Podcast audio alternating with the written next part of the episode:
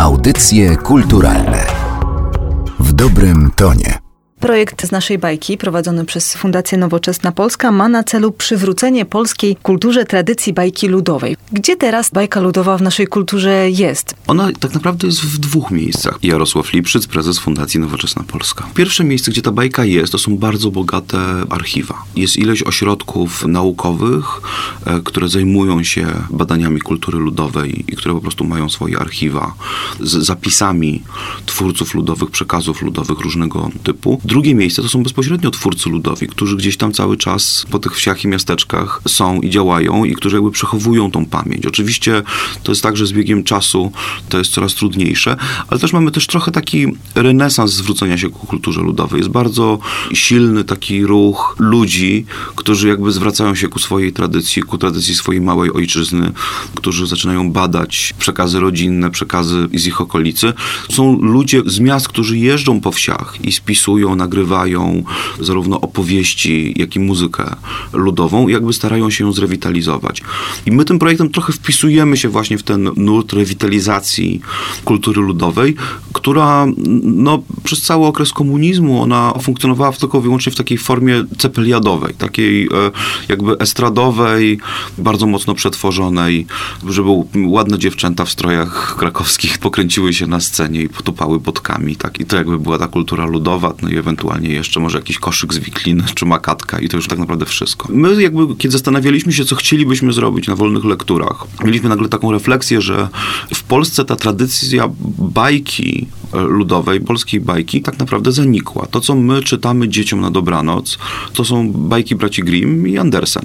I tu jest tak naprawdę kropka.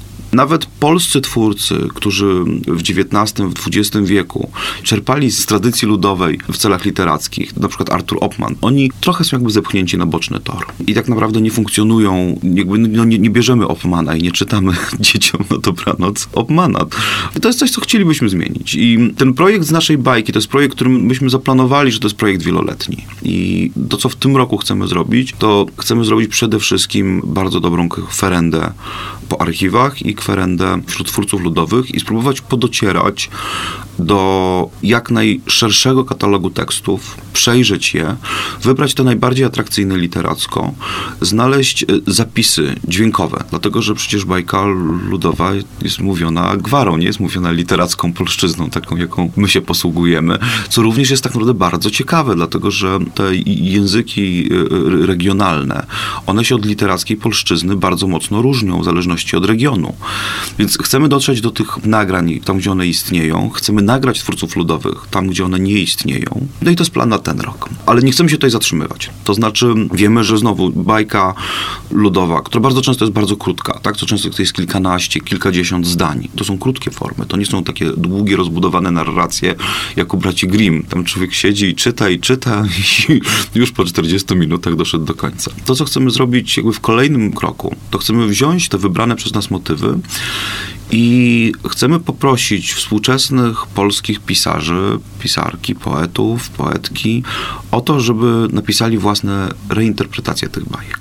Innymi słowy, jakby powtórzyć ten ruch, który był bardzo popularny w XIX wieku, a którego potem już nie było. To znaczy, żeby na bazie tej kultury ludowej przygotować takie formy narracyjne, które właśnie będą się nadawały do tego, żeby tą książkę otworzyć i dziecku tą polską bajkę na dobranoc przeczytać z uczuciem satysfakcji. To będzie musiała być reinterpretacja. Nie ma wyjścia, zarówno językowa, jak i narracyjna. Dlatego, że współcześni twórcy, którzy operują oczywiście literacką polszczyzną, no jeżeli będą próbowali imitować gwarę, to to jest ryzykowne. To może wyjść, ale znacznie częściej może nie wyjść. Też oczywiście powstaje pytanie o to, czy taka książka, która właśnie będzie, nie wiem, mocno imitować gwarę, czy ona rzeczywiście będzie się podobać ludziom. Ja co do tego miałbym poważne wątpliwości, że jednak tutaj to, dla dziecka ta bariera językowa, bo mówimy przecież o małych dzieciach, tak, to jest nasz odbiorca, że ta bariera językowa będzie zbyt duża, więc myślę, że raczej to będzie przełożenie na literacką polszczyznę. Natomiast roboczy pomysł, który też jeszcze się wykluwa Chcemy ich poprosić o to, żeby oni rzeczywiście jakby, jakby dać im maksimum swobody. Żeby oni na bazie tej bajki klasycznej, tak jak ona została zarchiwizowana, tak jak ona funkcjonowała, żeby oni sami podejmowali decyzje artystyczne, czy chcą przenieść tą bajkę w czasy współczesne, czy chcą zostawić ją w przeszłości czy chcą rozbudowywać jakieś wątki, czy chcą zachować ją w tej swojej kanonicznej formie. To są decyzje artystyczne i nie ma co ich podejmować za twórców, tak, którzy zawodowo zajmują się opowiadaniem dobrych historii. Nawiązaliśmy współpracę już teraz przy tworzeniu standardów opracowania tych materiałów z Joanną Papuzińską i myślę, że tutaj coś z tego się także wykluje do poczytania. Pracujemy i potrzebujemy czasu. Chcemy przede wszystkim, żeby te bajki były możliwie zróżnicowane regionalnie, żeby pokazać też jakby bogactwo tych języków, które my mamy w Polsce pokazać, że literacka polszczyzna to nie jest jedyny możliwy e, wzór polszczyzny i że tutaj także językowo mamy po prostu niesłychane bogactwo nasze własne, z którego można czerpać. A druga rzecz, którą chcieliśmy zrobić, to żeby te bajki były w miarę zróżnicowane tematycznie i żeby pokazać jakby tą przestrzeń różnych typów narracji, które w kulturze ludowej funkcjonowały i funkcjonują. Więc to jest założenie. Do końca roku chcemy stworzyć katalog stu jakby wybranych bajek, z którymi właśnie będziemy mogli potem w przyszłości pracować. Natomiast e, no właśnie na etapie pilotażu wybrać 10, które właśnie jakby bardzo starannie opracujemy. I też jakby to, co jest na tym pierwszym etapie super istotne, chcemy opracować standard opracowania.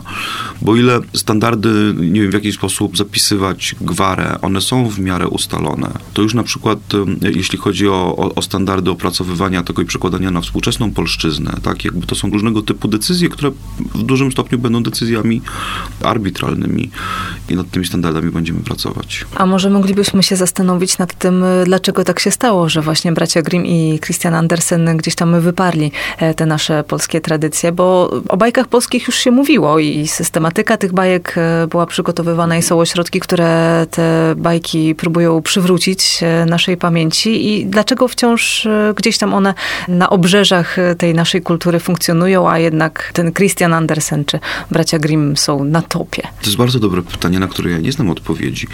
To jest moim zdaniem przykład siły dobrej narracji. Bracia Grimm wykonali tytaniczną pracę, która polegała w dużym stopniu właśnie na tym, że oni podejmowali decyzje artystyczne, że nie byli archiwizatorami, nie byli jak Kolberg, który tak, który szedł w lód i zapisywał, jego, którego celem było zapisanie tego, co usłyszał. Celem braci Grimm było właśnie artystyczne przetworzenie.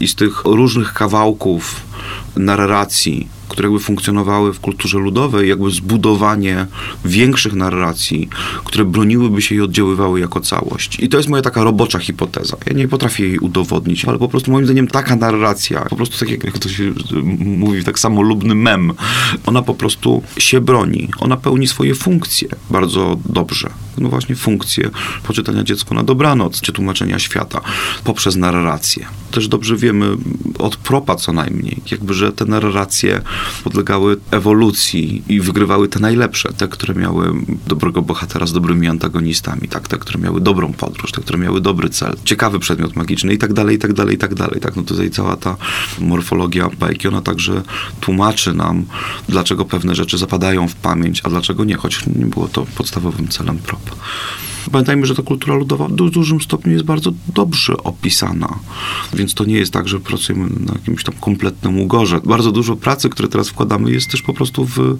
opisanie tych źródeł i analizowanie ich, jakby biorąc pod uwagę ten cel, który chcemy osiągnąć. My nie jesteśmy archiwizatorami, my nie jesteśmy badaczami, którzy będą zachowywać tą kulturę ludową. My y, mamy bardzo konkretny cel, który nam przyświeca. My chcemy tą kulturę ludową w jakiś sposób poprzywracać, pokazywać na nowy sposób, trochę się nią pobawić. Specjalnie używam takiego słowa, które nie brzmi zbyt poważnie i zbyt naukowo, bo nie mamy takich pretensji. Znaczy my raczej chcemy zrobić coś fajnego, co będzie mogło służyć rodzicom, e, dzieciom i dzięki czemu wszyscy będziemy, no, będziemy mieli fajniej. Jeszcze jednym ważnym aspektem projektu z naszej bajki jest to, że faktycznie wszyscy będą mieli dostęp e, do tych już bajek opracowanych. Jak zawsze na wolnych lekturach, wolne lektury twardo udostępniają zasoby wyłącznie albo z domeny publicznej, albo na wolnych licencjach, czyli z zasoby, z którymi każdy ma prawo uczynić, co mu się żywnie podoba. Więc oczywiście te same zasady zastosowaliśmy w projekcie z naszej bajki. Nie będziemy czerpać rzeczy, które są objęte prawami autorskimi i które narzucałyby jakieś restrykcje wykorzystania naszym użytkownikom i użytkowniczkom. Raczej będziemy szukać takich zasobów, które możemy wykorzystać bez konieczności różnych, które potem wynikają, tak, nie wiem, typu dostęp tylko za zalogowaniem albo tylko dla tych, co zapłacili. Nie, my jesteśmy otwarci, bezpłatni dla wszystkich. Audycje kulturalne w dobrym tonie.